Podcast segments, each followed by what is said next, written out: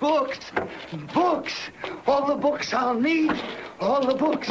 All the books I'll ever want! Because you know I'm all about those books, about those books. Start reading. I'm all about those books, about those books. Start reading. Books are fun.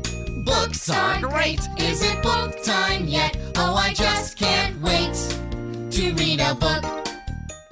And the best thing, the very best thing of all, is there's time now. There's all the time I need and all the time I want.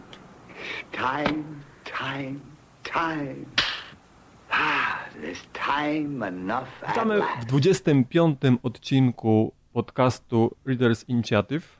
E, Dzisiaj o książkach będą rozmawiać Piotr e, z podcastu Książki Mówione Mhm, witam, witam serdecznie. oraz Rafał Jasiński. Bardzo mi miło ponownie. Ja witam oczywiście Michała, który po długim czasie y, powrócił na łono macierzystego podcastu, powiedziałbym książkowego. Tutaj naszym słuchaczom, którzy, którym, którzy nie słuchali wcześniejszych naszych odcinków, to przypomnę tylko, że y, no będzie już chyba z dwa lata temu, jak założyliśmy y, wspólnie ten projekt tworzony, który, no, naszą ideą było właśnie stworzenie takiego podcastu o książkach y, wszech treści, jak zawsze mówię, czyli o wszystkim rozmawiamy. Jest to i fantastyka, i, i literatura grozy, i powieść obyczajowa, i inne. To już pewnie ci, którzy nas słuchają, o tym wiedzą.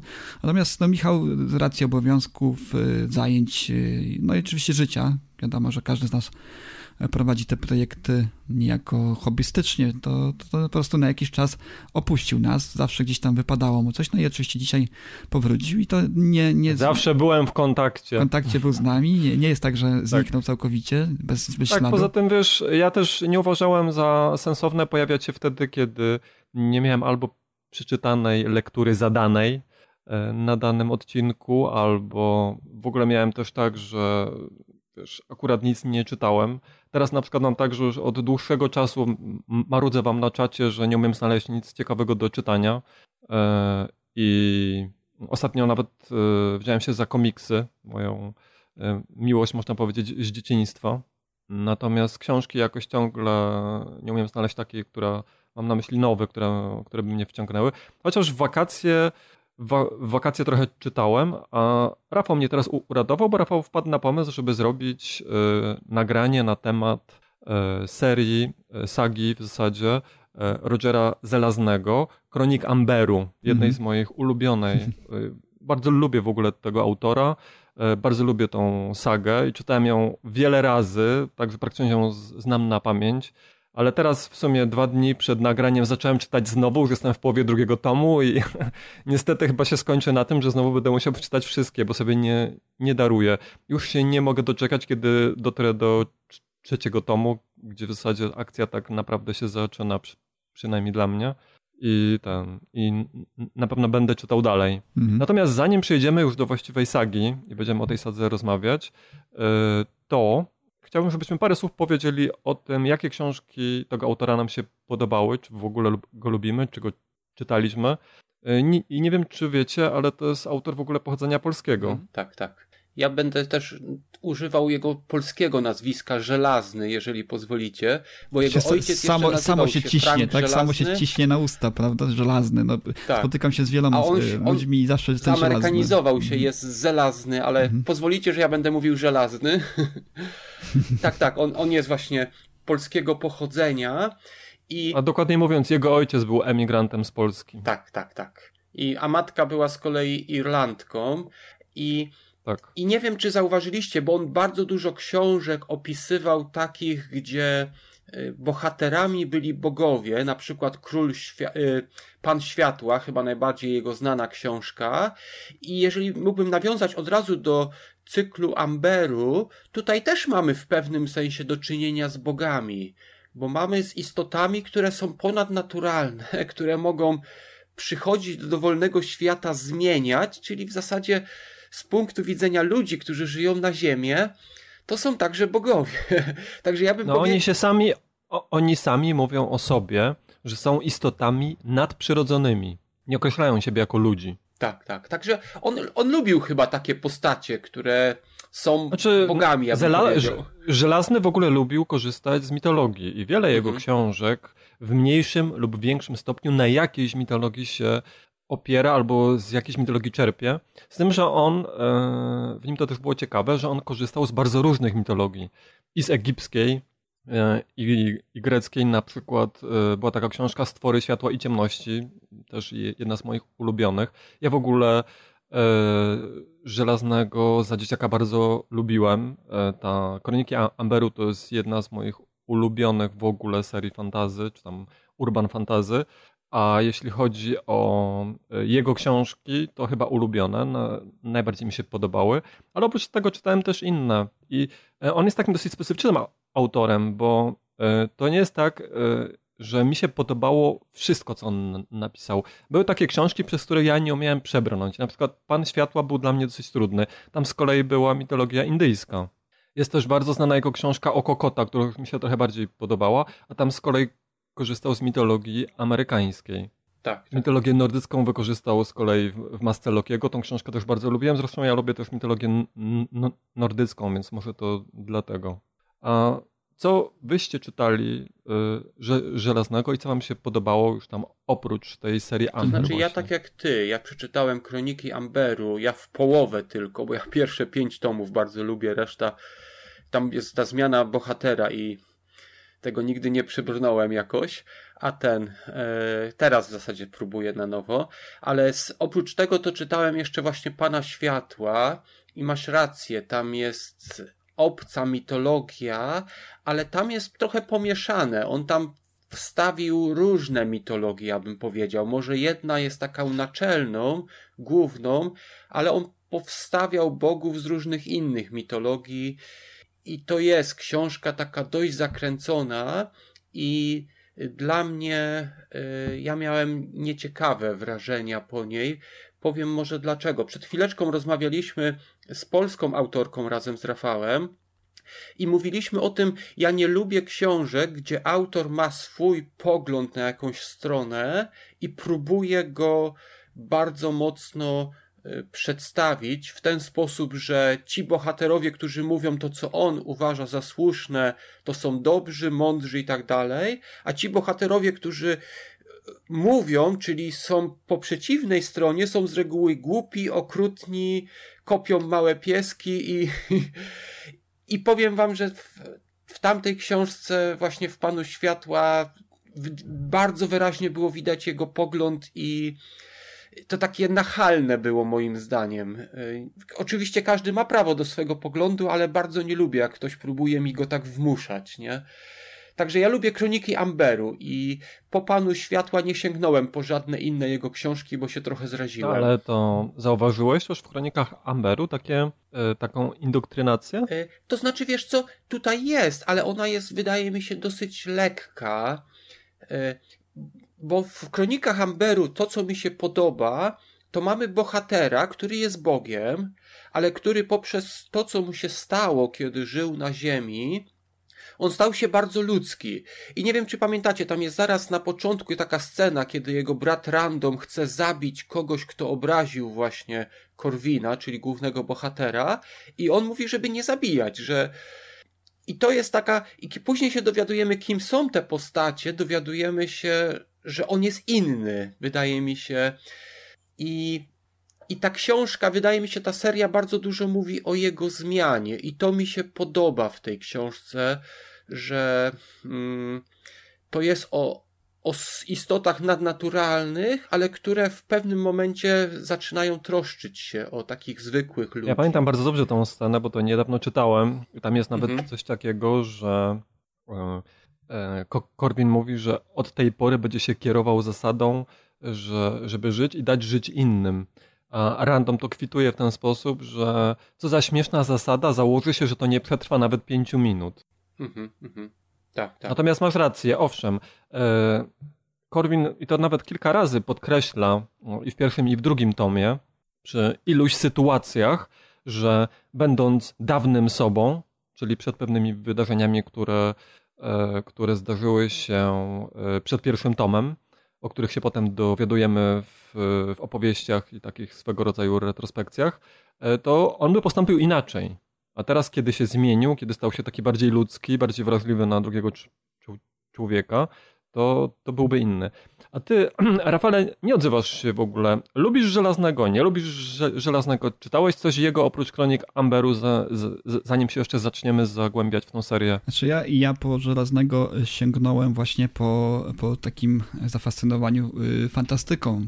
Dla mnie taki początek przygody z fantastyką prawdziwy to był właśnie Władca Pierścieni kilka lat temu, no i wówczas y, sięgnąłem y, po taką książkę nie wiem, czy, czy czytaliście również, to był rękopis znaleziony w Smoczej Jaskini, taki leksykon, który napisał y, znawca fantastyki i pisarz, oczywiście wszystkim bardzo dobrze znany, Andrzej Sapkowski. Można mieć różne y, zdanie na temat jego książek, na jego na niego Sapkowski, Sapkowski tak na, też na niego, na niego samego. Natomiast no, nie można tutaj odmówić Sapkowskiego, Sapkowskiemu temu, że się zna na fantastyce, tak? Bardzo dużo tego czyta, kiedyś i obecnie też czyta, jest, jest naprawdę mm, dużym znawcą i w tym leksykonie był taki spis y, kanonu lektur, które, po które należy sięgnąć, jeżeli się chce poznać fantastykę, zgłębić ją w całości, tak? I tam był właśnie pierwsze tomy, trzy były wymienione właśnie Kronik Amberu jako te, które koniecznie trzeba przeczytać, nie? I, I, sięgnąłem po pierwszy tom wówczas i się troszeczkę odbiłem, bo to, wiesz, zestawiwszy Tolkiena z, z Żelaznym, to, to fantastyka i to fantastyka, natomiast, no, jak wiemy, diametralnie od siebie się różniąca, tak? Pod kątem stylu, sposobu narracji, też pomysłu na historię. I wówczas się odbiłem, bo dla mnie taka skurtowość narracji, którą stosuje akurat u siebie Żelazny, no, jest, jest, była wówczas nie do przyjęcia, tak? Ja oczekiwałem kolejnego, no, wzbogacającego również estetycznie doświadczenia, jak to było w przypadku y, Władcy Pierścieni y, Tolkiena. Tutaj tego nie ma. Tu jest y, akcja pędzi na złamanie karku, żeby było powiedzieć. Zwłaszcza w pierwszym tomie jest to widoczne. Nie wiem, jak Zgadza się. W drugim jest już troszeczkę lepiej. Ta cała historia jest rozbudowana i ona tak skupia się bardziej na mm, jednym questie, bym powiedział, tak? Ale to jest ciekawe, bo to, to co mówisz, bo ty mówisz, że w pierwszym tomie akcja pędzi na złamanie karku, z tym absolutnie się zgadzam. Natomiast e, inny e, nasz kolega, którego niestety dzisiaj nie mogło być, a który też to czytał, właśnie przez ten pierwszy tom nie umiał przebrnąć, ponieważ tam się mało dzieje i bardzo powoli akcja się posuwa do przodu. Mhm. Bardzo szkoda, że ci nie ma Sebastiana, bo byłem ciekaw właśnie jego uzasadnienia. Ale przerwałem ci, mhm. kontynuuj. Znaczy, tak się odnoszę do tego twojego pytania, czy się mało dzieje. Dla mnie takim może nie było problemem per se to, że się dzieje tak szybko i tak dużo, tylko że ta akcja była rozbita na kilka takich mniejszych questów, tak? No w tej książce praktycznie mamy wydarzenia, które, tak, tak jak wspomniałem w mojej, w mojej recenzji, no można by było obsadzić te, tymi wydarzeniami kilka tomów, y, kilka woluminów, tak? Na przykład taki Robert Jordan, gdyby się za to zabrał, no to by pewnie napisał tego no, na podstawie jednego tomu 10. To jest i zaleta, i wada czasami. Znaczy dla mnie to jest wada, szczerze powiedziawszy, bo właśnie takie, mm, takie powieści fantazji mnie nudzą. E, gdzie to wszystko jest rozbijane na nie, nie, wiadomo ile tomów i ta akcja tam się posuwa powoli. Akurat ten początek, to za każdym razem pa, pa, pa, pamiętam jak zaczynałem tą serię, to mnie to wciągało od początku. Kiedyś w ogóle ja myślałem, że te dwa pierwsze tomy to jest całość. Już więcej no nie, nie ma. w zasadzie całość. Nawet było wydawane nieraz jako całość w dwóch tomach. Teraz, tak, tak zwłaszcza tak, teraz obecnie tak, jako, chyba... jedna, jedna, jako jedna książka w takim dwutomowym wydaniu. Dziewięciu mm książek mm. Amberu i Karabiny Avalonu. Właśnie mm to czytałem. Z, mhm. Te kolejne tomy zostały, one zresztą były wydane w Polsce właśnie w, w 88 roku. Natomiast już kolejne tomy to w Polsce zostały wydane w 93, czyli ileś lat później. Ja byłem, pamiętam, zaskoczony, kiedy dowiedziałem, że w ogóle jest jakaś kontynuacja. Chociaż jak czyta się te dwa pierwsze tomy, to e, czasami mm, narrator, którym jest e, główny bohater Korwin, e, opisuje pewne zdarzenia z dalekiej przyszłości. W sensie, że to, co czytamy w tych pierwszych dwóch tomach, to się wydarzyło kiedyś. Czyli teoretycznie e, powinna być jakaś kontynuacja. Widać było, że pisarz planował, że tam będzie jeszcze coś dalej. Dlatego z jednej strony byłem zaskoczony, że się tak skończyło, a z drugiej strony ten, a z drugiej strony właśnie no, kontynuacji nie, nie było w tamtych czasach, no i to, to musiało wystarczyć. Mhm. Natomiast zanim jeszcze będziemy, bo widzę, że już bardzo tak e, chcecie mm, o, tej, o tych kronikach Amberu, to ja powiem tylko parę słów jeszcze o innych. Bo tak, Żelaznego ja bardzo lubiłem, ale nie wszystko mi od niego podchodziło. Najbardziej lubiłem jego opowiadania. Nie wiem, czy czytaliście e, na przykład e, było takie opowiadanie zresztą na, nagradzane e, Powrót Kata. To była w sumie nowela, bo to było dosyć długie opowiadanie. Zostało na, nagrodzone nagrodą Hugo. Bardzo mi się to podobało. Jest jeszcze wariant jednorożca też. Zapamiętałem to w sumie aż do tej pory. Była też taka powieść, która zaczęła się też od, od opowiadania, ale ja potępienia. Na, na podstawie tego zresztą na, nakręcono film, nawet nie wiem, czy nie więcej niż jeden. I była jeszcze taka powieść, która też mi się za, zapisała w, w pamięci, Widmowy Jack. Natomiast dlaczego ja mówię, że nie wszystko mi się podobało od Rogera Żelaznego? On był nietypowym pisarzem e, science fiction. On pisał tak właśnie trochę fantazy, trochę science fiction, a to jego science fiction było takie mało naukowe. Akurat powrót kata jest takim wyjątkiem w tym za, zakresie. Natomiast jego książki, opowiadania były takie, hmm, jakby to określić, momentami bardzo poetyckie. Na przykład w kronikach Amberu są takie długie fra fragmenty, jak, e, te, jak bohaterowie podróżują przez e, cienie, co zaraz wytłumaczymy o co w tym chodzi. I ten opis jest właśnie trochę kwintesencją stylu żelaznego, przynajmniej powiedzmy tą częścią je, je, jego stylu, która nigdy mi nie podchodziła, po prostu była dla mnie taka trudno czytelna. Mhm. Nie wiem, czy też tak macie, czy całość wam się podoba, czy... To znaczy, wiesz co, on też nie? wiersze pisał i może tu wychodzi ta jego poetyckość, a wchodząc już w serię Amberu, zauważyliście, Rafał pewnie nie, bo on nie doczytał nigdy do czwartego tomu, że w czwartym tomie Roger Żelazny się pojawia w tej książce, jest cameo autora. Y, jest, jest tam taki pewien człowiek się pojawia, który ma na imię Roger właśnie. Siedzi w lochu, pali fajkę i pisze kryminalną książkę. Czyli prawdopodobnie pisze książkę, księgę, kroniki Amberu mm. tam. Nie wiem, czy zwróciłeś na to uwagę. Ja nie, ale, ale to, to, to jakby troszeczkę moją, no już nie moją pamiętam, tezę, którą wiesz? postawiłem w no. recenzji y, y, no, uzasadnia, że, że na pewno y, Kroniki Amberu były sporą inspiracją dla Stephena Kinga w przetworzeniu Mrocznej Wieży, gdzie też mamy pewien element, pewien, pewne miejsce, które skupia w sobie wszystkie inne światy, nie? Wiesz co, może mhm. w tym momencie Warto by już mhm. powiedzieć, o czym w zasadzie ta seria jest, bo już trochę o niej mówiliśmy, a czytelnicy, którzy w ogóle nie mieli z nią mhm. kontaktu, to nie Jasne. mają pojęcia, o czym my mówimy. Amber to jest taka seria e, o, o, opowiadająca jakby o światach równoległych. E, jest e, taki wzorzec tych światów, takie, m, takie miejsce podstawowe i to jest Amber, e, w, opisane jako takie wieczne miasto. W tym mieście rządzi król Oberon, i natomiast to miasto rzuca jakby cień, i to są właśnie te światy równoległe. E, I im dalej od Amberu, tym bardziej te cienie od Amberu się różnią. Także może tam być wszystko. E, no i każdy z, tych, z tego rodu królewskiego, czyli właśnie synowie i córki e, Oberona, mają tą moc, że potrafią pomiędzy cieniami podróżować.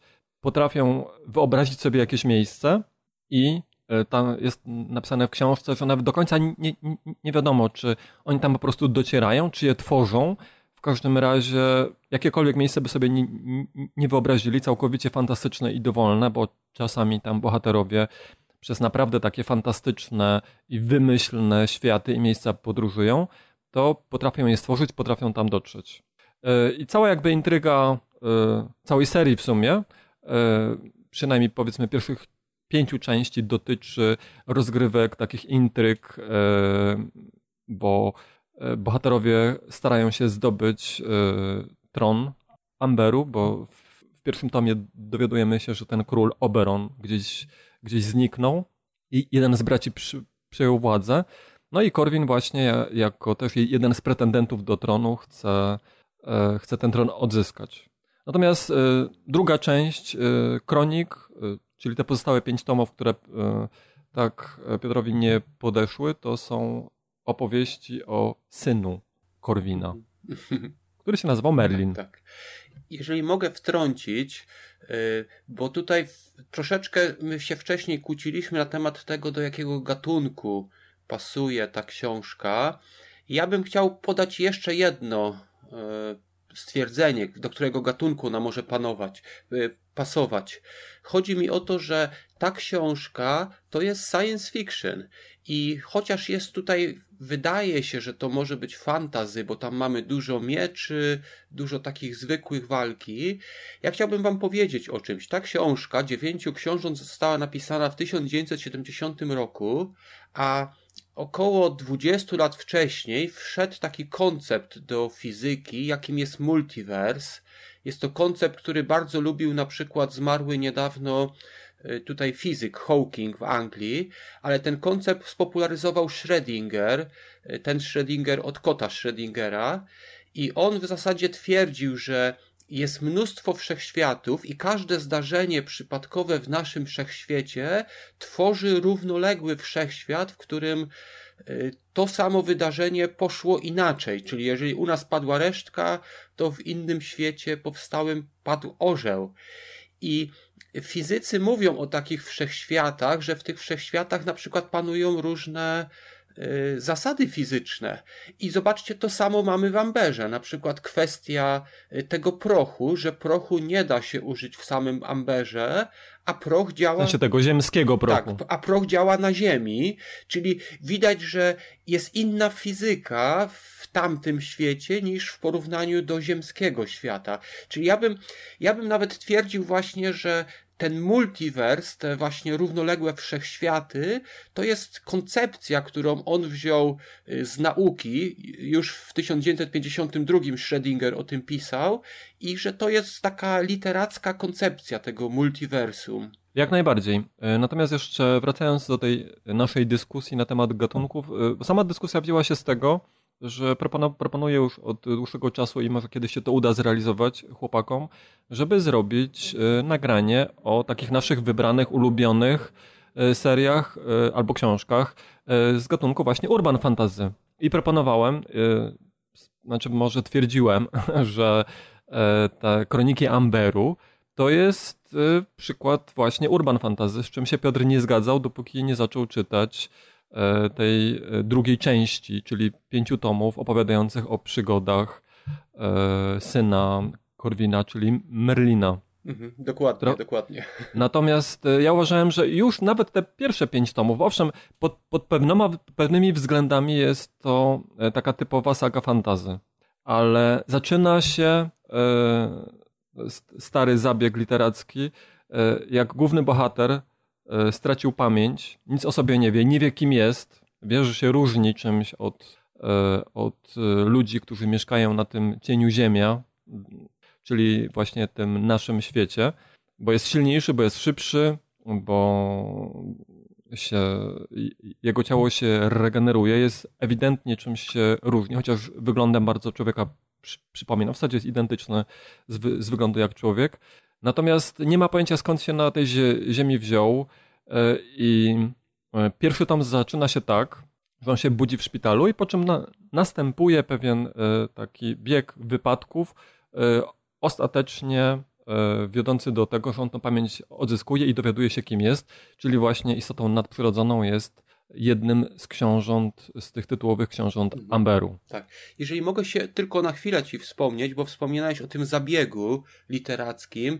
Ja rzeczywiście, ja myślałem, że to jest takie klisze, że znowu ktoś się budzi w szpitalu, znowu nie pamięta i musi poznawać, ale musimy znowu przypomnieć, że jest 2019 rok, a książka została napisana w 70. ubiegłego stulecia, czyli 50 lat temu nie, nie wiem jak z literaturą wtedy było, ale wydaje mi się, że wtedy to nie było takie klisze, jak teraz jest.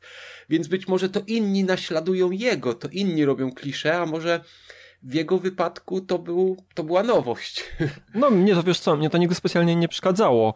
Natomiast mimo tego, że ja to czytałem raczej w latach 80., czy tam 90. nawet, bo to wyszło w 88 w Polsce. A ja, to, ja nie czytałem tego jako taka e, no, nowo kupiona książka z biblioteki, czy tam z księgarni, bo pamiętam, że ta książka, którą miałem, mój tata konkretnie miał w bibliotece, to już była taka mocno zużyta, czyli to musiały być raczej lata 90.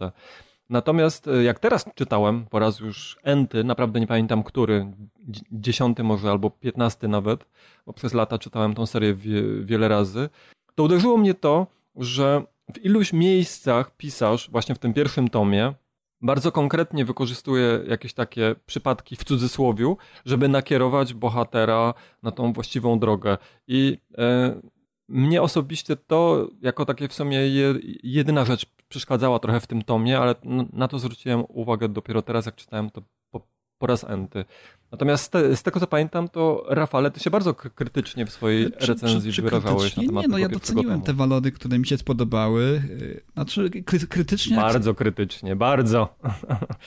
Moja ulubiona książka z mojej ulubionej serii. Podkreślam to, że jest czas i miejsce, no, tak, no, tłumacz, na to, żeby tłumacz. się zapoznać z pewną literaturą. Czasami jest tak, że kiedy się sięga po coś, co jest ogłoszone mianem klasy, klasyki, no to, to rozczarowanie w jakimś stopniu przychodzi. Często jest tak, że jest, że jest okej, okay, że, że, że, się zgadzamy z tym y, ogólnie przyjętym zdaniem, natomiast czasami jest tak, że nie. Ja się odbiłem kiedyś, tak jak powiedziałem od tego wcześniej, ale to był też szczególny powód.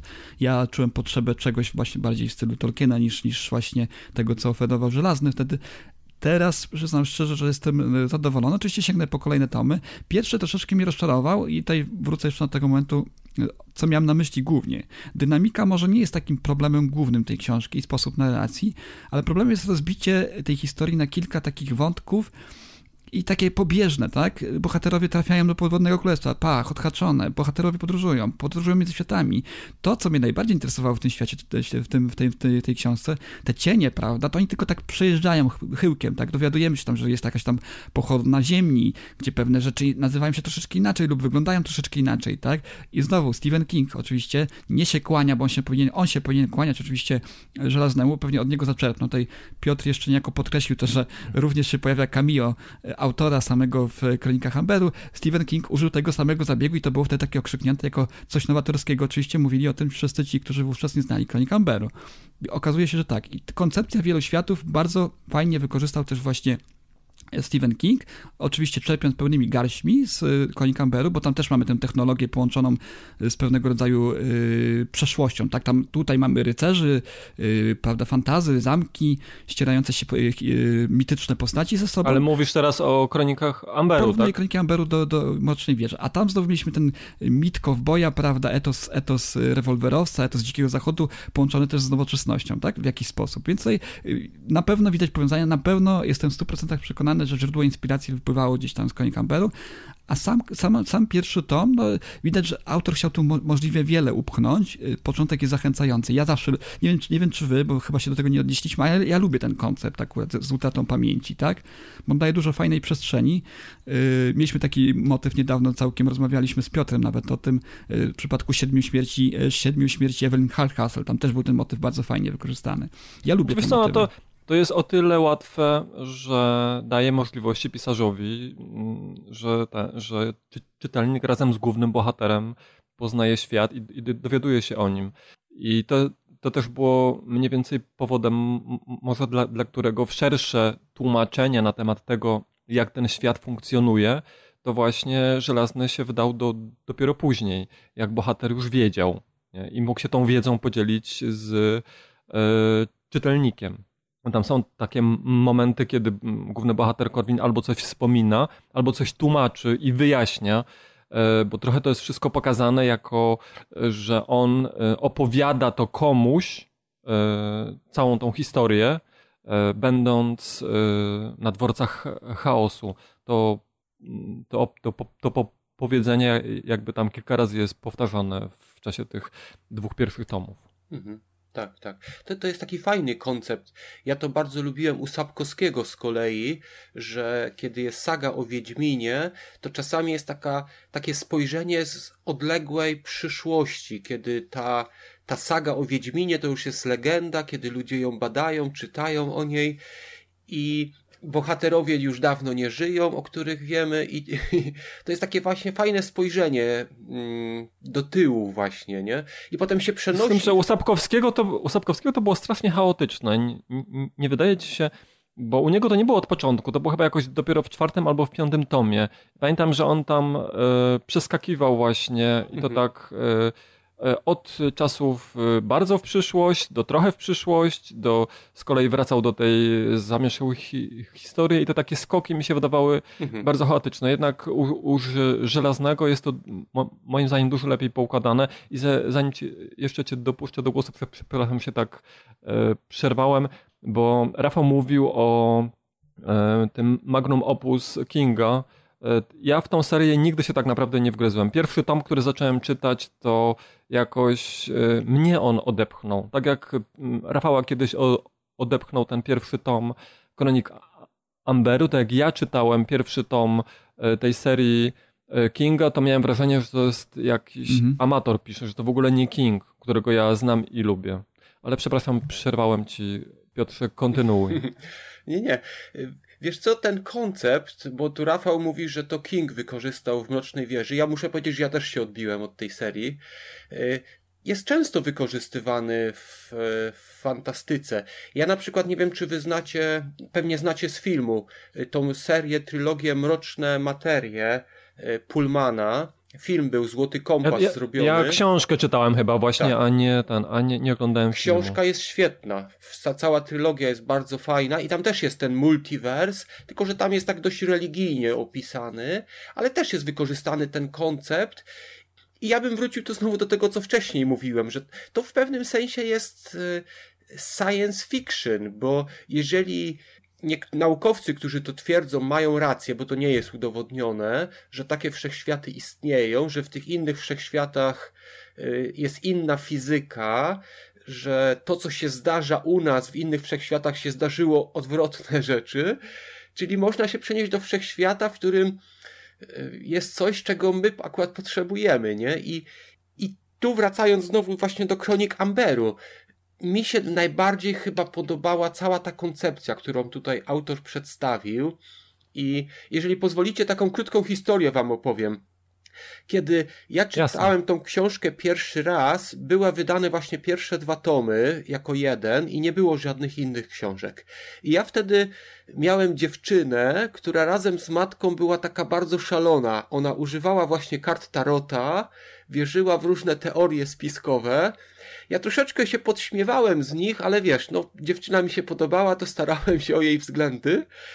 I przeczytałem dziewięciu książek Amberu i zrobiłem sobie taki dowcip na nich, na tej dziewczynie i na jej matce. Przyszedłem do nich i przedstawiłem jej historię, która jest w dziewięciu książętach Amberu, jako prawdę, jako taką teorię że naprawdę jest taki prawdziwy świat gdzieś, a my to żyjemy w cieniach, które są odbiciem tamtego. I najśmieszniejsze jest to, że one uwierzyły w to. Niezłe. Ale to chyba pokazuje, że ta historia, ona jest na tyle dobrze napisana, skonstruowana pod względem, zobaczcie, powiedziałbym naukowym, że jeżeli koncepcja tych multiversum jest prawdziwa, no to taka rzecz teoretycznie mogłaby się wydarzyć. Tak, ja się nie? zgadzam z tym, że mm, ta seria jakby u swego rdzenia jest faktycznie naukowa. Aczkolwiek e, bohaterowie patrzą na nią trochę tak, jakby patrzyli, wiesz, e, ludzie powiedzmy ze średniowiecza, jakby próbowali sobie wytłumaczyć, na jakiej zasadzie to działa. I e, ten główny bohater, mimo tego, że tak naprawdę jest człowiekiem nowoczesnym, bo on przeżył ileś set lat na tym cieniu Ziemi, E, to i ma takie e, nowoczesne spojrzenie na świat, to jednak jak mówi albo myśli o tej teorii właśnie multiversum, to on to wspomina, że to można tak traktować, ale oni, czyli książęta Amberu, oni o tym myślą i, i, i, i, działają, że to są cienie. Cienie właśnie tego wiecznego miasta Amberu, które jest tam gdzieś, ono z podstawą, ono jest najważniejsze. Zresztą ta teoria dopiero potem jest jeszcze bardziej rozwijana właśnie jak się poznaje e, jakby drugi biegun, bo na, jednym biegunie jest ten amber, mhm, który jest dokładnie. takim e, punktem stałym i trwałym, od którego wszystko bierze swój, e, swój obraz, a na drugim biegunie są właśnie te dworce chaosu, o których Korwin wspomina w trakcie tych swoich wędrówek, że właśnie z tego punktu opowiada całą tą historię. jak dotarł do dworców cha chaosu. Tam jest w ogóle taka fajna koncepcja filozoficzna. Pewnie słyszeliście, jest takie pytanie. Jeżeli drzewo upadło w lesie, gdzie nie było żadnego człowieka, to czy ono spowodowało hała, chaos, y, hałas, czy był, był, był słychać dźwięk. Hałas, tak. I tutaj jest podobne pytanie w tych kronikach, czy książęta Amberu, oni podróżując przez te cienie, czy oni tworzą cie, te cienie? Czy ten cień, zanim jakiś książę Amberu, czy księżniczka może przeszedł przez niego, czy on istniał w ogóle wcześniej? Albo pomyślał w, w ogóle, że on istnieje, tak. To czy on istniał? Tak, tak, ja, ja mówiłem o tym wcześniej, zgadza się, jest to bardzo ciekawy koncept i, i faktycznie jest to wspominane kilka razy, bo oni tam podróżują przez naprawdę różne, czasami bardzo fantastyczne światy, na przykład e, już w pierwszym tomie podróżują przez jakieś miejsce, które jest całkowicie przezroczyste. tak, tak. tak. E, przezroczyste istoty, przezroczyste domy, jakieś bardzo dziwne pojazdy i tak dalej. Czyli naprawdę to może być dowolnie wszystko, co im tylko przyjdzie do, do głowy. I tak jak mówisz, jest tam poruszony taki ciekawy problem, czy oni to stwarzają siłą swojego umysłu, swo, swoich zdolności i czy to faktycznie wszystko gdzieś tam e, istnieje w tym multiversum Znaczy, w, dru- w, w, drugim tom, w drugim tomie się pojawia, yy, znaczy sam Korwin mówi w drugim tomie, bo w pierwszym tomie od razu jest mówione, że to są cienie, że to oni są twórcami cieni, natomiast y, w drugim tomie Korwin mówi tak, bez, zwracając się bezpośrednio do swojego odbiorcy, mówi, wy to nazywacie światami równoległymi i my mówimy na to cienie, tak? Także jest, jest sugestia tego, że tak naprawdę to ich być może wygórowana ambicja i powiedzmy ta ignorancja prowadzi do tego, że oni to traktują jako powiedzmy coś, co sami stwarzają. Pewnie mają jakąś moc sprawczą, ja tak przynajmniej uważam, mają jakąś moc, która, która nadaje im jako przynależność tej, tej rasy, y, znaczy tego rodu książąt Amberu, natomiast ja, ja tutaj, nie znając jeszcze oczywiście kolejnych tomów, uważam, że jednak mimo wszystko y, koncepcja Żelaznego była taka, że to jednak te światy istnieją, tak? Że te światy funkcjonują. I jest taki właśnie miszmasz tego, co wiemy, tego, co wiemy o naszej fizyce, naszej historii, naszych mitach, legendach, z tym, co się dzieje w tych światach, tak? Czyli gdzieś tam jakiś in... historia poszła w innym kierunku, tak? Yy, Jest, jest bardzo dużo takich właśnie Tak, tak, nawiązań. zresztą Korwin mówi, Mhm. że wszelkie mity i historie, które my znamy w naszym świecie, tak naprawdę mają swoje źródło w, w, w Warto Amerze. zwrócić uwagę też, zresztą to nie jest e, żadne wielkie odkrycie, że sam e, Żelazny mocno tutaj operuje w mitologii, e, w mitach arturiańskich, prawda? Bo to nie tylko, nie tylko są się. odniesienia takie, które gdzieś tam się e, do nazewnictwa czy, czy imion odnoszą, tych e, postaci, które znamy z legend arturiańskich, ale też w jakiś sposób takim nieco wykrzywionym e, pryzmacie widzimy tą historię właśnie tego, jak naprawdę wyglądał Avalon, prawda, czy też tutaj w drugiej, później jest Merlin, prawda, Oberon zresztą też postać niejako znana z innych też y, mitów, z, innej, z innego rodzaju ale, literatury. sa, ale sama ta podstawa, nie? czyli mamy króla, mamy Mhm. wieczne miasto, czy wieczne, wieczne królestwo i rycerzy, którzy powiedzmy bronią te, tego miasta przed naporem sił. Galahad się pojawia, tak, w drugim tomie. Lancelot, Lancelot, a nie Galahad. Tak, tak. I Lancelot właśnie pochodzi z Avalonu, bo e, ta, tam jest też powiedziane, że ten e, król Oberon zachęcał swoje dzieci, żeby każde z nich znalazło wśród cieni jakieś takie miejsce dla siebie. I Korwin właśnie kiedyś tam w Mhm. przyszłości, ileś set lat wcześniej, e, znalazł sobie Avalon. Właśnie ten Avalon, o którym ty mówiłeś. E, Tam został władcą tego Avalonu i, mie, i miał e, do swojej dyspozycji rycerzy.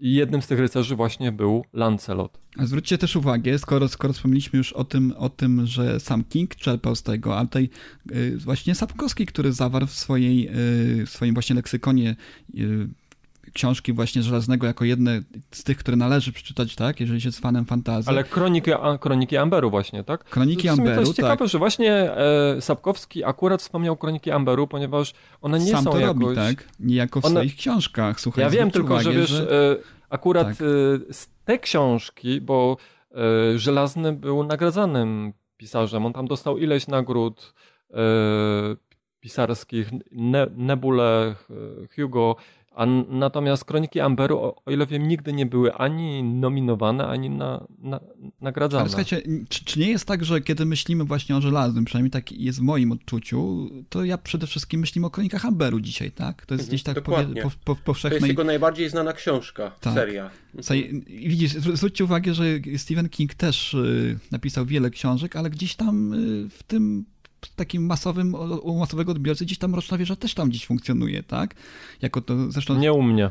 Zresztą, zresztą sa, sa, ja bardzo lubię Kinga. Magnum, tak? Jak z, z, zgadza się. Ja bardzo lubię Kinga i czytałem chyba wszystko, co on napisał, albo prawie wszystko. Sporo książek też czytałem nawet po kilka razy, ale do tej serii nigdy się nie przekonałem, dlatego jakby dla mnie się to tak automatycznie nie wiąże. King to od razu Mroczna Wieża nie jest to dla mnie ani najlepsza, ani na, najważniejsza jego pozycja, chociaż tak jak mówisz, jest to dla, dla niego takie opus magnum. Ciekawy jestem, jak to było u, u, u, Żelaznego, bo faktycznie to była chyba jego najdłuższa seria. Nic nie, nie napisał takiego. Mhm.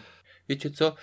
Bo w ogóle to był jego debiut też, nie? To były jego pierwsze książki i rzeczywiście dziewięciu książąt Amberu jest takich słabo dosyć, jeżeli chodzi o warsztat, ale historia i ten wszechświat jest tak ciekawy, że ta książka e, miała dużo fanów i ca cała ta seria. I myślę, że ten drugi cykl, który powstał, mi się wydaje w pewnym sensie autor to zrobił dla fanów. Zresztą nie wiem, czy wiecie, wyszła też książka, w której na przykład można znaleźć mapy, jak wygląda dwór w Amberze. Tak, mapy i Mapy i karty. Tak, tak. I tak, tak. I to jest też, też bardzo ciekawe, nie? I, I wracając jeszcze do tego czasu jeszcze, nie wiem, czy zwróciliście na to uwagę, bo y, dzisiaj ludzie krytykują, y, szczególnie ten pierwszy cykl krytykują za to, że on jest taki męski, szowinistyczny. To było pisane w latach 70. i chociażby sam tytuł Dziewięciu Książąt Amberu, a przecież wiemy, że tam są też dziewczyny, których nikt nawet nie rozważa, że one też mogłyby rządzić na tronie. Ale powiem ci, że one tam nie, nie grają takich bardzo pobocznych ról. Przecież już y, w drugim tomie chyba pojawia się wielka przeciwniczka. Tak, tak. E, Zgadza się. Tego mhm. Amberu, która zapowiada, że Amber zostanie zniszczony i to jest kobieta, mhm. to nie jest mężczyzna. Tak, tak. I ja, ja, ja, ja, to, ja tylko powtarzam, co inni mhm. mówią, to nie jest moje. Znaczy, jest to owszem, w dużej mierze może tam faktycznie e, większość głównych ról grają mężczyźni w tej serii, ale nie powiedziałbym, że kobiety są, mają role absolutnie poboczne albo nieważne. E, I mhm. są, są tam też silne kobiece postacie, aczkolwiek oczywiście no, w mniejszości w porównaniu co do mężczyzn. Tutaj się akurat zgodzę. Natomiast nie wiem, czy bym się zgodził, że to jest jego debiut, bo przecież pierwsze jego jakieś opowiadania i książki to są lata 60. Więc do 70., bo w, w 1970 zostało wydane dziewięciu książąt Amberu, no to mi minęło 8 lat, więc nie wiem, czy to można uznać za jego debiut. Natomiast jestem bardzo ciekawy, bo ty powiedziałeś, że warsztatowo pierwszy tom jest słaby. A, mógł, a pokusiłbyś się, żeby powiedzieć e, dlaczego, konkretnie jakie słabości warsztatu e, pisarza zauważasz w tym pierwszym tomie? To znaczy, wiesz co, y, to mi nie przeszkadza. Historia jest na tyle ciekawa, że i świat jest bardzo tak ciekawy, że mi to nie przeszkadza. Na czym to polega? Po pierwsze, Korwin i Random, który później przychodzi, zbyt łatwo daje się oszukać. Cała ta pierwsza misja, nie wiem czy się zgodzicie, jest w ogóle bez sensu. Przecież pod koniec dziewięciu książąt Amberu Korwin przychodzi z armiami, żeby zdobyć Amber i i to jest prawie niemożliwe do wykonania, a wcześniej to on próbuje we dwójkę dojść. Ja, ja nie wiem, na co oni liczyli, do czego miała dojść. Oni później poszli do Ręby, nie? Czyli poszli w tak, drugim tak, tak. kierunku. Tak, bo w pierwszym tomie jest tak, że, tak jak wspominaliśmy wcześniej, e, Korwin e, stracił pamięć, więc on nie ma pojęcia, kim jest. E, spotyka najpierw swoją siostrę, którą udaje mu się oszukać, że odzyskał pamięć i już jest w pełni, w pełni sił. Potem spotyka swojego brata i właśnie razem podejmują taką spontaniczną decyzję, e, żeby jechać do, do Amberu. I wydaje mi się, że wiesz, e, random mógł liczyć na to, że mm, Korwin, jako właśnie jeden z tych nielicznych, e, liczących się pretendentów do tronu, bo tam było kilku takich, co, co rywalizowało między sobą, że on ma jakiś plan konkretny. A natomiast Random miał mu tylko pomóc w dotarciu do, do Amberu. Aczkolwiek zgadzam się, że jest to trochę słabe. Niestety właśnie w tym pierwszym tomie jest kilka takich momentów, ja teraz zwróciłem na to uwagę, jak to czytałem. E, na przykład e, jak e, Korwin rozmawia z, ze swoją siostrą, to on w bardzo wygodnych dla siebie momentach ma jakieś wspomnienie, pojawia mu się w głowie tak po prostu nie wiadomo dlaczego, taka pisarska fantazja, które bardzo pomaga mu w tym, żeby przekonać e, Fionę, że on jest faktycznie tym jej bratem Korwinem i już jest w pełni sił umysłowych. Jest kilka takich sytuacji, które ja bym w cudzysłowie nazwał przypadkowych, ale które są dla głównego bohatera bardzo korzystne. Na przykład to jak oni spotykają drugą swoją siostrę tuż przed, przed tą re, rebmą. Tak, tak. Też mhm. przypadek cudowny wręcz, bo ona akurat mhm. uciekła, oni akurat tak. do, docierali i akurat mogą dzięki temu y, iść do tego, do, do tej re, rebmy, gdzie, gdzie Korwin będzie mógł odzyskać pamięć. Więc y, dla mnie to akurat było słabe w tym pierwszym tomie. Nigdy jakoś na to specjalnie nie zwracałem uwagi i nie przeszkadzało mi to, bo tak jak rozmawialiśmy wcześniej z Rafałem, tam akcja bardzo pędzi w tym pierwszym tomie. Natomiast zgadza się, są tam pewne takie słabości, powiedziałbym, prowadzenia fa to znaczy, fabuły. To, to jest właśnie to. Jeżeli pisarz cię zaciekawi i wciągnie cię w fabułę, to nawet jak popełni tam jakieś błędy, wręcz kretynizmy, nie zwracasz na to uwagę. Ale w momencie, kiedy pisarz zaczyna cię nudzić, to wtedy zaczynasz kombinować i wtedy zaczynasz zauważać błędy. I wydaje mi się, że to fabuła była na tyle ciekawa, że ja nie widziałem problemów. Ale przy okazji chciałem sprostować, rzeczywiście masz rację. E, Aleje Potępienia on napisał w 67, a Pana Światła też w 67, także rzeczywiście to nie był jego debiut pisarski ale to są rzeczywiście to, co Rafał wcześniej powiedział, najbardziej znane jego książki. Tak. Aczkolwiek to Aleja Potępienia została zekranizowana, a na, na przykład y, ten y, Kroniki Amberu nigdy.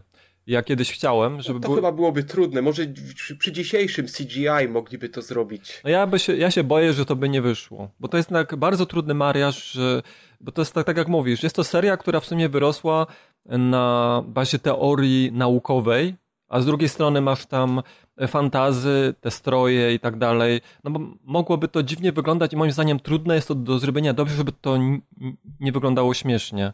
E, Urban Fantazy w ogóle tak e, jest mo, moim zdaniem ciężkie do zekranizowania, że, żeby się to fajnie oglądało. Ja sporo takich serii znam, e, lubię je czytać, ale jakoś e, jeśli chodzi o ekranizację, to już jest chyba trudniej. Ale z, zobaczymy, może kiedyś Kroniki Amberu zostaną z, zekranizowane.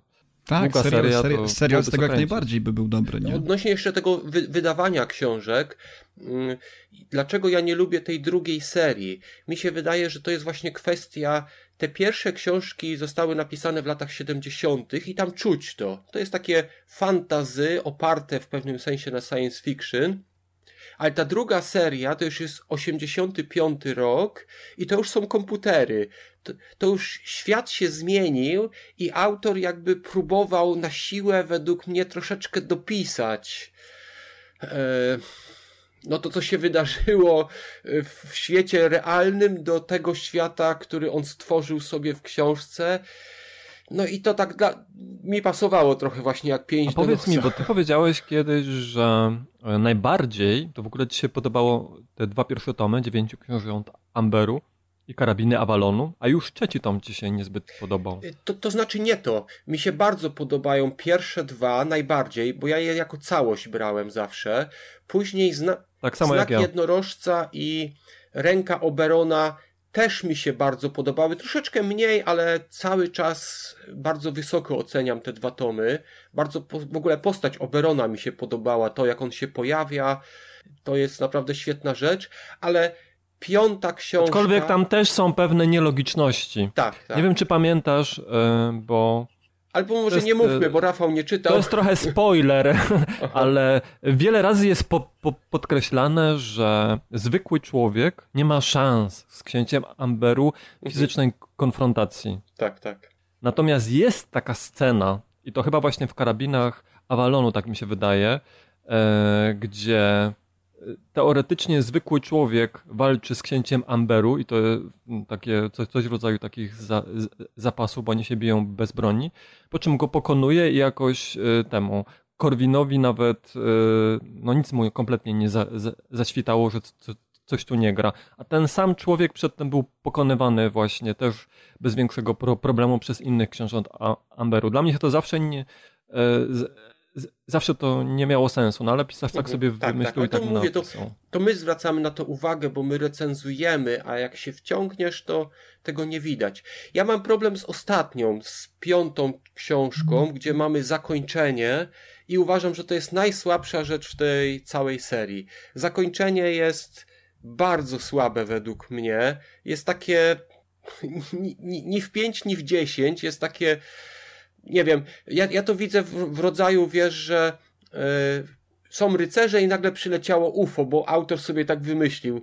To, to może nie jest aż tak radykalne, ale wydaje mi się, że to zakończenie nijak nie było wcześniej widoczne i yy, no ja się zawiodłem. Piąty tom był bardzo słaby i przy okazji ja moje, mój syn ma tą książkę, on słuchał po angielsku ją i mój syn ma dokładnie takie samo zdanie, nie, że książka, ta, te, te pierwsze pięć części, bo to jest jakby całość, nie? Te pierwsze pięć części, yy, wszystko tak, jest tak, fajnie, ale to zakończenie on zepsuł.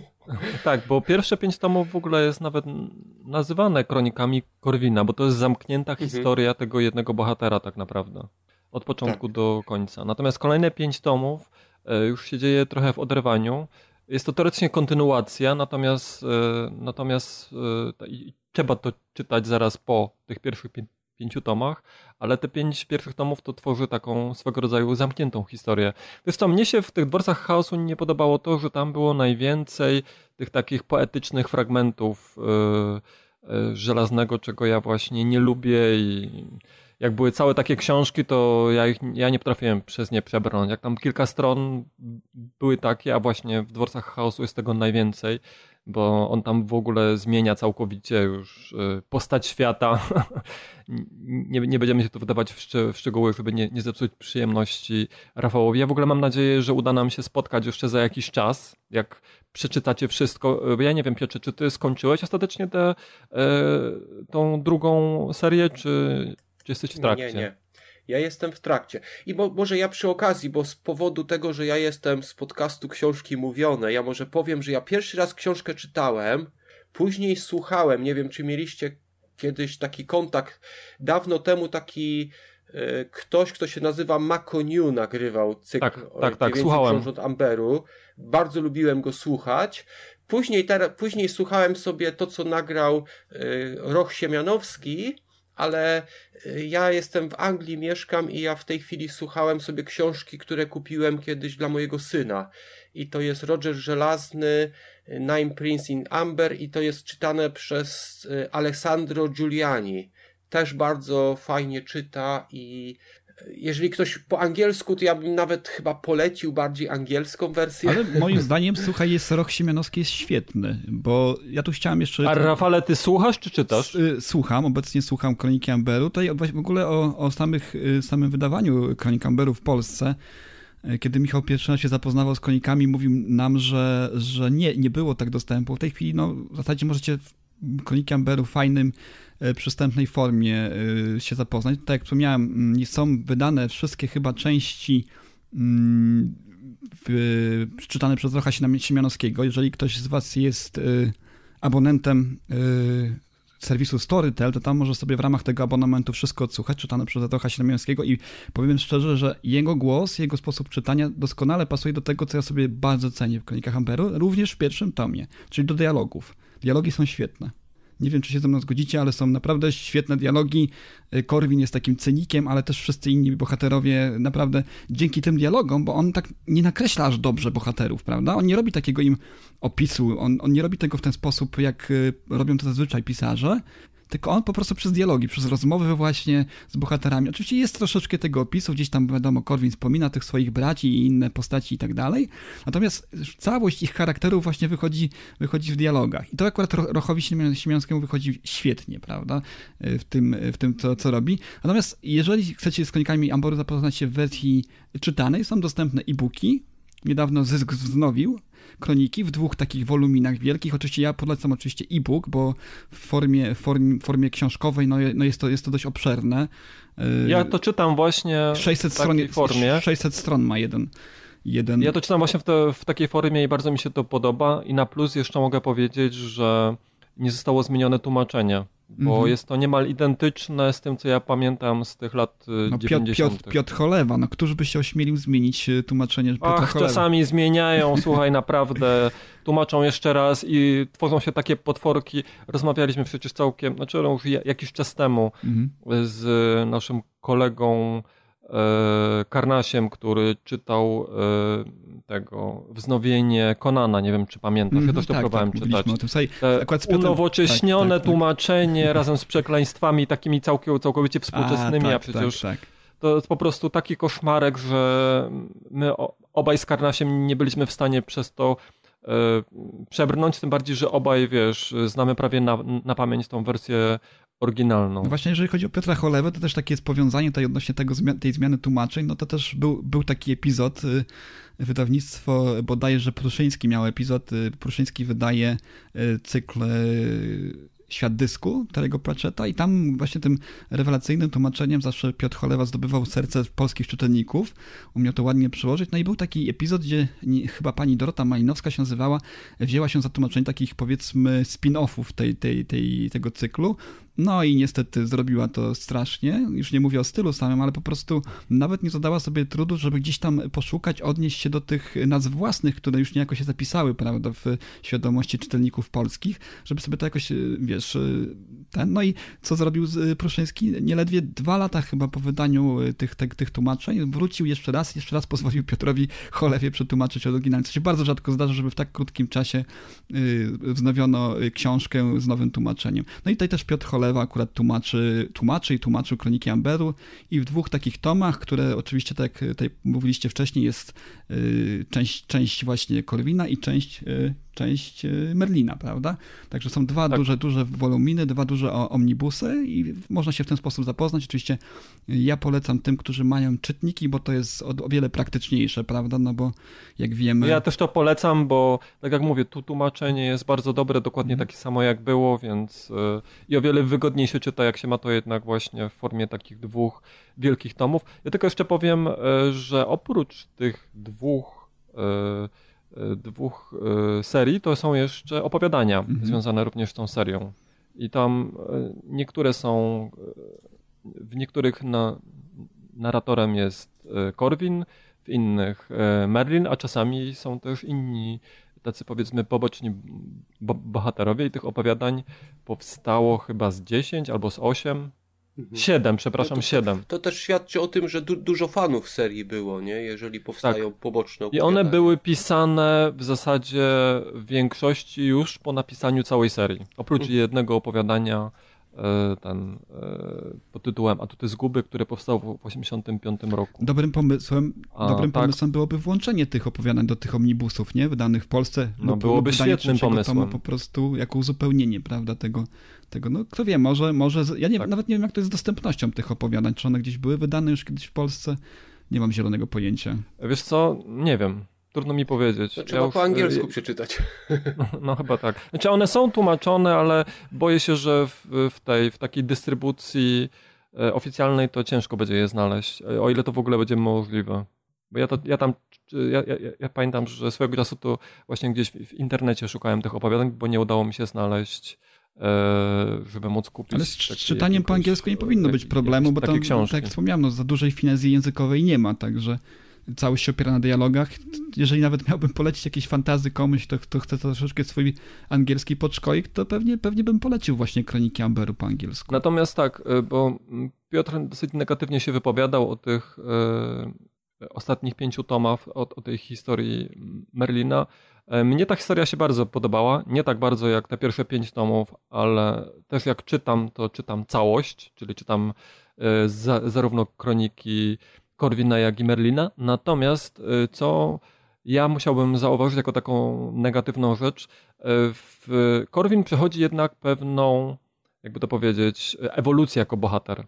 Mhm, tak, tak. I to jest najciekawsze w tej książce. Natomiast brakuje tego właśnie w, w tym, w, w historii Merlina. Merlin jako bohater, praktycznie rze- rze- rze- rzecz biorąc, jedyną ewolucję, jaką on przechodzi, to można określić, że on po prostu zmężniał. Natomiast jego charakter za bardzo się nie zmienia.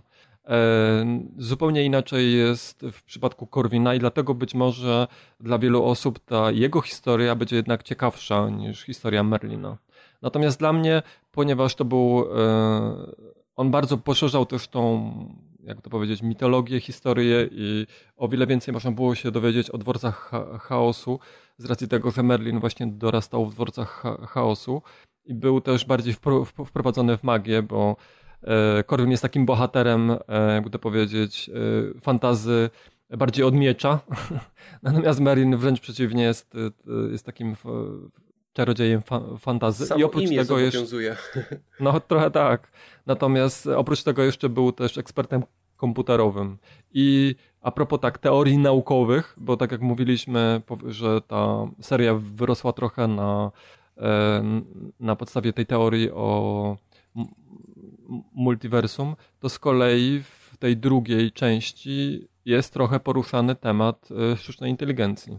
Nie, nie jakoś bardzo, ale, ale jest, jest tam w, ja, ja może wyjaśnię, dlaczego ja słucham po angielsku teraz też.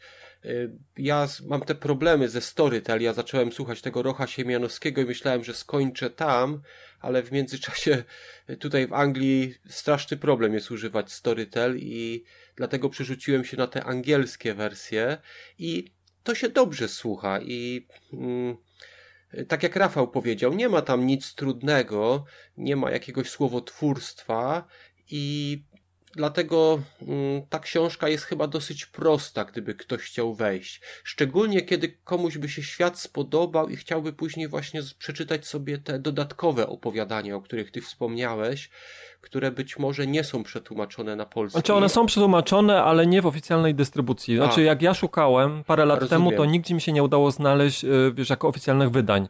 Takie nieoficjalne. Tak, natomiast w internecie no. można znaleźć y, tłumaczenia takie fa fanowskie a to ludzie tłumaczą. Tak, ja, ja też sam skorzystałem z takich rzeczy, ja czasem tłumaczyłem też tego typu rzeczy. A odnośnie samego y, Piotra Cholewy, y, oczywiście jego tłumaczenia są świetne, ale mi się wydaje, że jednym z jego większych osiągnięć y, to jest jego syn, Michał Cholewa, który jest autorem książek.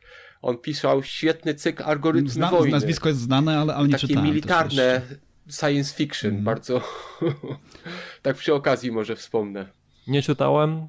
No właśnie, trzeba będzie spróbować, Rafale. Jeżeli lubi, lubicie militarne science fiction, to polecam. Algorytmy wojny, Gambit, punkt, punkt cięcia, Forta. Tam jest, tam jest świat, gdzie są trzy części, które walczą w kosmosie. Jest właśnie też sztuczna inteligencja, też jest takim czwartym jakby przeciwnikiem. Słuchajcie, polecacie Kroniki Amberu, czy nie polecacie? Na tle powiedzmy to, to mi się trudno odnieść. Ja, ja, jeszcze, ja tylko, bo ja, ja najmniej czytałem i najkrócej mogę powiedzieć.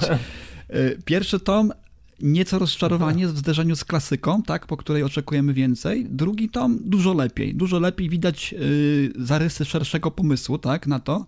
Mitologia się rozszerza, wątki się jako zadzierzgają nowe i, i faktycznie fajna intryga tam się zaczyna nam pojawiać. No i te nawiązania, które są o, o wiele, wiele wyraźniejsze do, do mitów arturiańskich, a ja bardzo lubię ten, yy, te mity, lubię te historie, więc... No tak samo ja, tak samo ja. Ale powiem ci, że e, jeśli chodzi o intrygi, to jest, y, w pierwszych dwóch tomach to jest nic w porównaniu z tym, co się do, do, dowiadujesz później.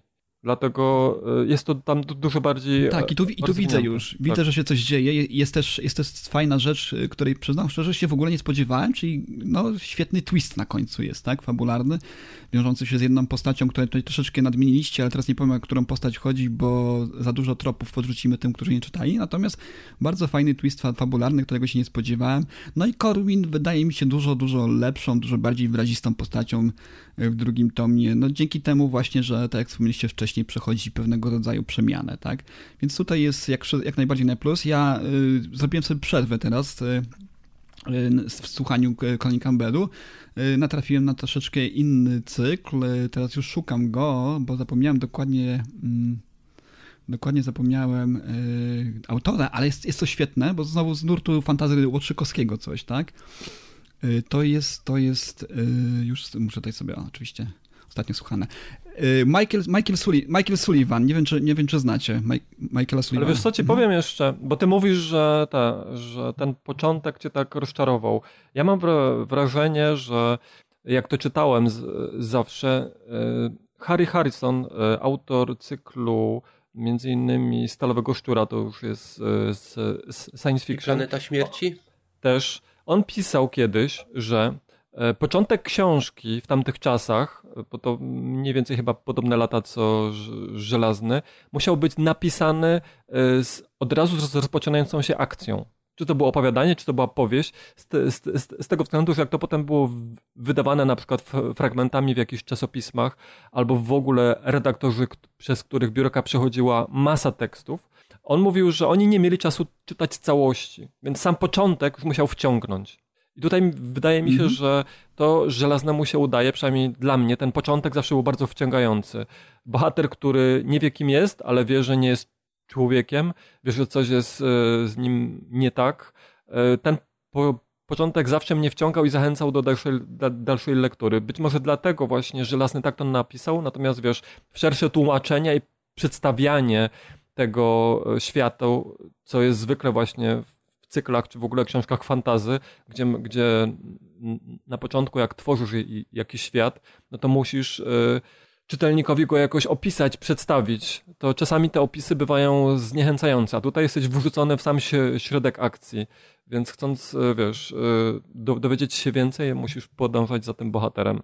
Więc może to jest wytłumaczenie, dlaczego ten pierwszy tom jest taki skupiony na samej akcji, a dopiero potem dowiadujemy się więcej. Tak, ja, ja, ja na pewno będę słuchał dalej Kroniki Amberu, zrobiłem sobie małą przerwę, teraz natrafiłem na coś, co, co też bardzo lubię, na nurt e, książkę z gatunku, który bardzo lubię, czyli fantazy łotrzykowskie, e, teraz dla odmiany. I to jest Michael Sullivan, się nazywa autor, nie wiem czy jest wam znany. Królewska Krew. To jest taki początek cyklu właśnie też z intrygami, bardzo fajnie napisany, ale to może kiedyś y, innym razem przejdziemy. Także jeżeli mam podsumować jeszcze, to powiem szczerze, polecam. Mimo wszystko polecam. Jest, w drugim tomie jest to coś, tak? To coś, co sprawiło, że ja chcę wiedzieć, co będzie dalej, tak? W pierwszym tomie on pewnego rodzaju zamkniętą cały, tak? Bo zostawia też bohatera na takim, takim punkcie wyjścia, że równie dobrze mogłoby się to wtedy skończyć, tak? To nie, nie ma tego niedosytu. A drugi tom to już jednak jest to coś, co, co naprawdę sprawiło, że z przyjemnością sięgnę i z przyjemnością będę polecał. Zresztą, y, jak, jak widzieliście, na pewno oceniłem drugi tom dużo, dużo wyżej niż pierwszy. Tak, tak. No ja ci bardzo polecam trzeci tom, bo wtedy e, wiele takich e, intryg, które właśnie były tylko wspomniane w tych pierwszych dwóch tomach, to tam są bardzo ładnie rozwinięte i pokazane i to, to mi się zawsze podobało. Natomiast, a czy ty czy teraz nie czytasz przypadkiem kronik No czytam, czytam, czytam, słuchaj, czytam wiele książek, y, tutaj wiele książek i do kilku z nich się też przygotowujemy. Tutaj też nie, nie wiem, czy będziemy zdradzać z Piotrem, przymierzamy się do mm, zakazanej historii Ziemi, to jest taka bardziej, powiedzmy, quasi naukowa książka. Czytamy Kroniki Wordstone, o tym mamy już odcinek nagrany, już niebawem e, pojawi się na łamach y, książek mówionych. Także już jest odcinek. Już jest o odcinek. Kroniki Wordstone już jest. Ach, to nie zauważyłem nawet, to, to zaraz, zaraz tam udostępnimy. Natomiast no, y, czytam czytam, robię sobie, przeplatam sobie taką literaturę. Wróciłem troszeczkę do korzeni tego, co kiedyś najbardziej lubiłem, czyli do, do fantastyki. Jakąś taką czuję fajną falę teraz, która mnie niesie właśnie po tych książkach fantastycznych. Głównie, głównie sięgam po tych autorów, których wcześniej nie znałem, tak? Czyli nowych autorów. Tutaj bardzo zadowolony jestem z Kronik Watson przede wszystkim. Tutaj Piotr je rekomendował. I oczywiście Roger Żelazny, teraz właśnie e, Michael J. Sullivan. Kto wie co jeszcze? Na pewno będę, będę szukał czegoś, czegoś jeszcze więcej, to co... No, powstaje dużo dobrej fantastyki i trzeba troszeczkę tej naszą drogą, tej rekomendacji, my sobie nawzajem, a wszyscy razem naszym słuchaczom będziemy rekomendować tego typu literaturę, no bo to jest, jakby nie patrzeć, jest to jedna, jeden z najważniejszych gatunków w moim, w Piotra trochę też, Piotr bardziej science fiction oczywiście, ale też w, to, w tym Michale to przecież to jest twój, jeden z swoich ulubionych gatunków również, więc na Science pewno... fiction? Jak najbardziej. Science fiction, fantasy. Ja science fiction e, to jest mój ulubiony gatunek, mm -hmm. fantasy to tak bardziej na drugim miejscu. Szczerze powiedziawszy, im starszy jestem, to właśnie tym trudniej jest znaleźć mi fantazy, które by mnie wciągnęły, które by mi się spodobało, a już wolę przedkładam raczej science fiction. No a ty Piotrze, polecasz yy, Kroniki Amberu? Mhm. Tak, tak, jak najbardziej.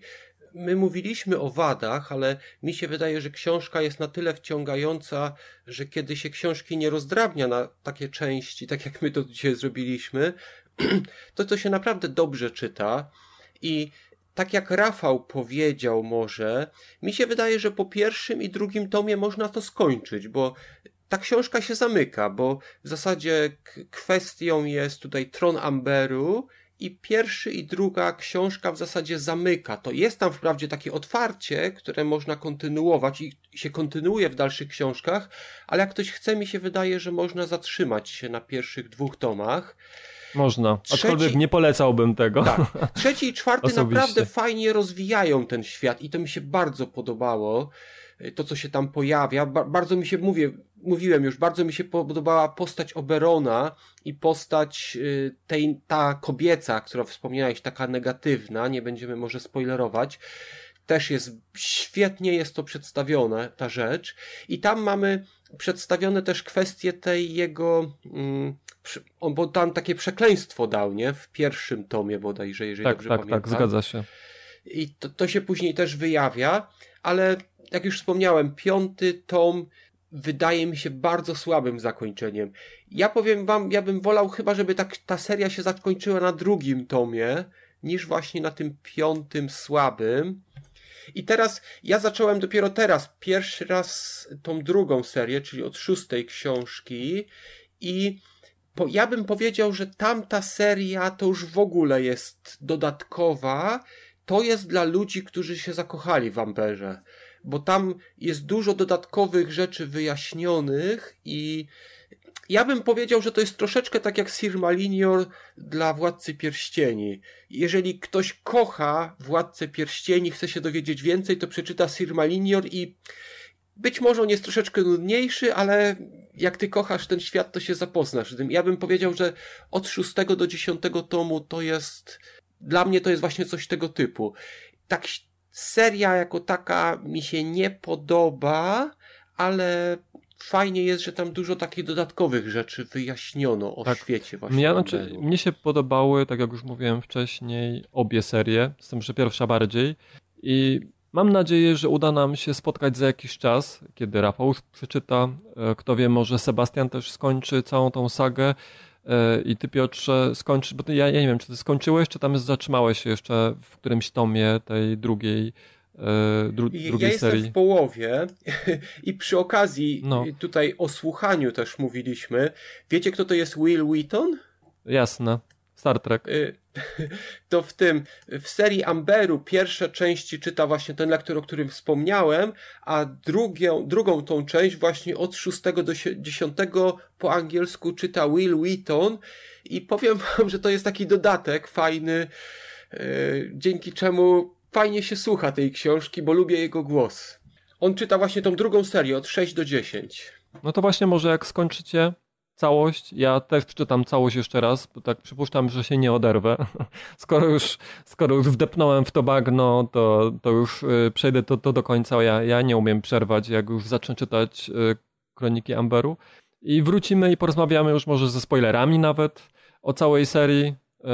Y, to będzie też dla takich słuchaczy, którzy będą chcieli poznać nasze zdanie, takie już bardziej otwarte, bez, bez krępowania się natomiast liczę też na to, że uda nam się za jakiś czas może zrobić faktycznie ten odcinek na temat Urban Fantasy. I tam też możemy trochę wspomnieć o kronikach Amberu.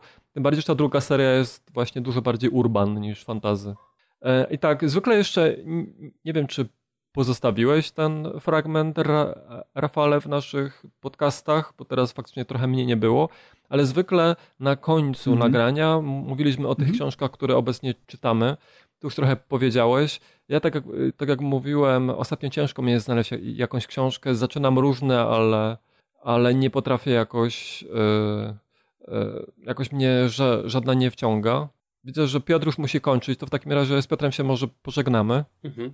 Tak, tak. Bardzo Wam dziękuję za zaproszenie yy, i bardzo chętnie wezmę udział, jeżeli będziecie kiedyś nagrywać takie spoilerowe już podsumowanie całości.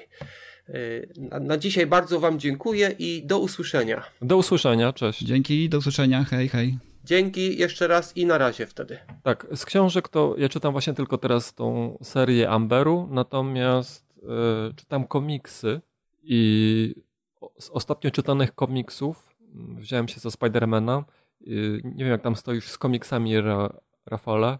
Wiesz co, przymierzam się, szczerze mówiąc. Y, mam abonament na Comixology. Oni takie fajne, kurcze, wydają wszystkie te, wiesz, komiksy w takich też właśnie omnibusach, nie? Po 300-400 stron, tych najsłynniejszych wszystkich, wiesz, historii, nie? I, i też właśnie widziałem teraz, y, miałem na oku te, ten X-Men y, kontra Avengers komiksy, czy też Spider-Verse. Spider-Verse swoją drogą dostałem od Comixology, bo nie wiem, czy wiesz, ale Amazon Prime jest niejako powiązany z Comixology i kiedy kupiłem właśnie wersję y, UHD tego, tego filmu Into the, Spider, Into the Spider-Verse, to dostałem też komiksy powiązane, wiesz, z tym Spider-Verse bo, znaczy, wiesz, bo cała ta historia Spider-Verse to pierwotnie była opisana w, w komiksach, potem też była wersja animowana, a ostatecznie Sony zrobiło też swoją wersję filmową, która też jest mm -hmm. w sumie filmem animowanym. Dostałem kilka komiksów i czytam, czytam Spider-Many teraz sobie troszeczkę w ten, w ten Marvel wszedłem, szukam sobie takich, wiesz, y, co lepszych serii, co lepiej ocenianych i, i, i, fajnie, bo właśnie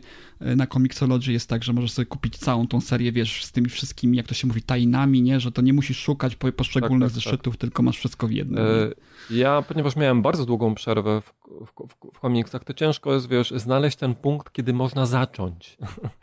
bo tego jest bardzo dużo. Jest masa historii, masa kontynuacji. E, zacząłem szukać takich zamkniętych, dłuższych albo krótszych historii, tak żeby móc właśnie zacząć i skończyć, a nie wejść gdzieś w połowie i potem nie wiedzieć, gdzie skończyć, bo z, z tym jest problem. No i z takich ciekawszych historii, które czytałem ostatnio, to jest na przykład Spider-Man Secret War, yy, które bym ci polecił. To jest taka tajna misja, w którą został zaangażowany Spider-Man, taka szpiegowska wręcz. Yy, jest tam w komiksie napisane, że jest to na podstawie prawdziwej historii, Oprócz oczywiście tego, że e, biorą tam udział superbohaterowie, w sensie w prawdziwej historii byli to zwykli ludzie. E, ten Fury zbiera grupę superbohaterów, e, którzy tam są mu coś winni albo ma jakiegoś haka na, na nich i wybiera się do sąsiedniego państwa, żeby zapobiec e, atakowi terrorystycznemu.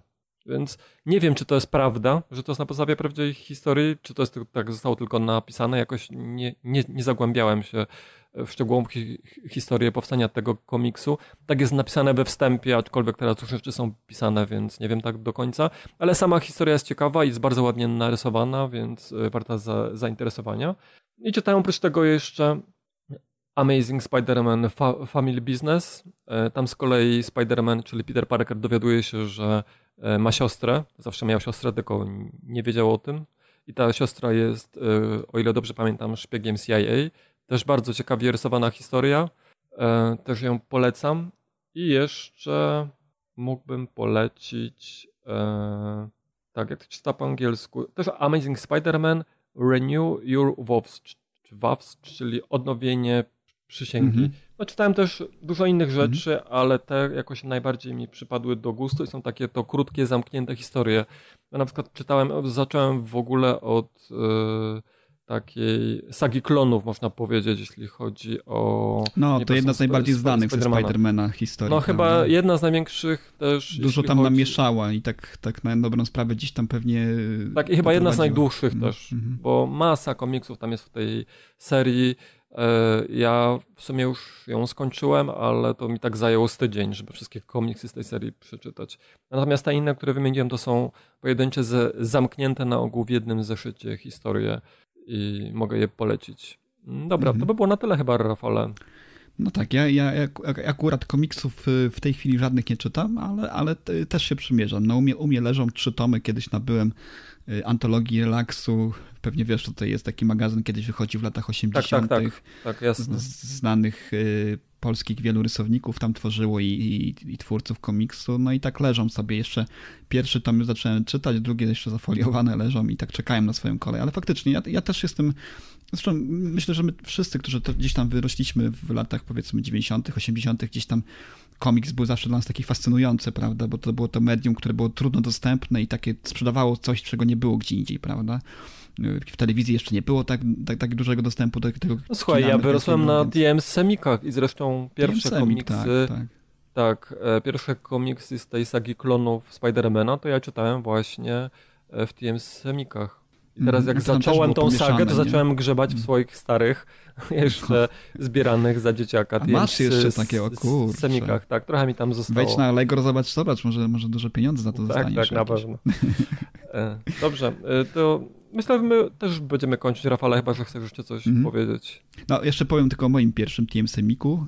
y, Co, co ciekawe, akurat wtedy nie było rozdzielenia tego y, w Polsce. Ja nie wiem, tak jak to teraz jest, czy też jakoś się wydawnictwa, wydawnictwa dzielą. Ty bierzesz DC, my bierzemy y, Marvela, ale wtedy TM Semik wydawało wszystko, tak? I tam był i Superman, i Batman. i Znaczy wszystko. oni zaczęli chyba od Spidermana, tak mi się wydaje, aczkolwiek mo mogę się mylić. Spiderman to chyba był pierwszy komiks, który ja czytałem. E, Potem chyba zacząłem kupować Supermana i Batmana, a na końcu, aha i potem jeszcze jakoś X-Men, a na końcu e, zacząłem kupować e, Zieloną Latarnię.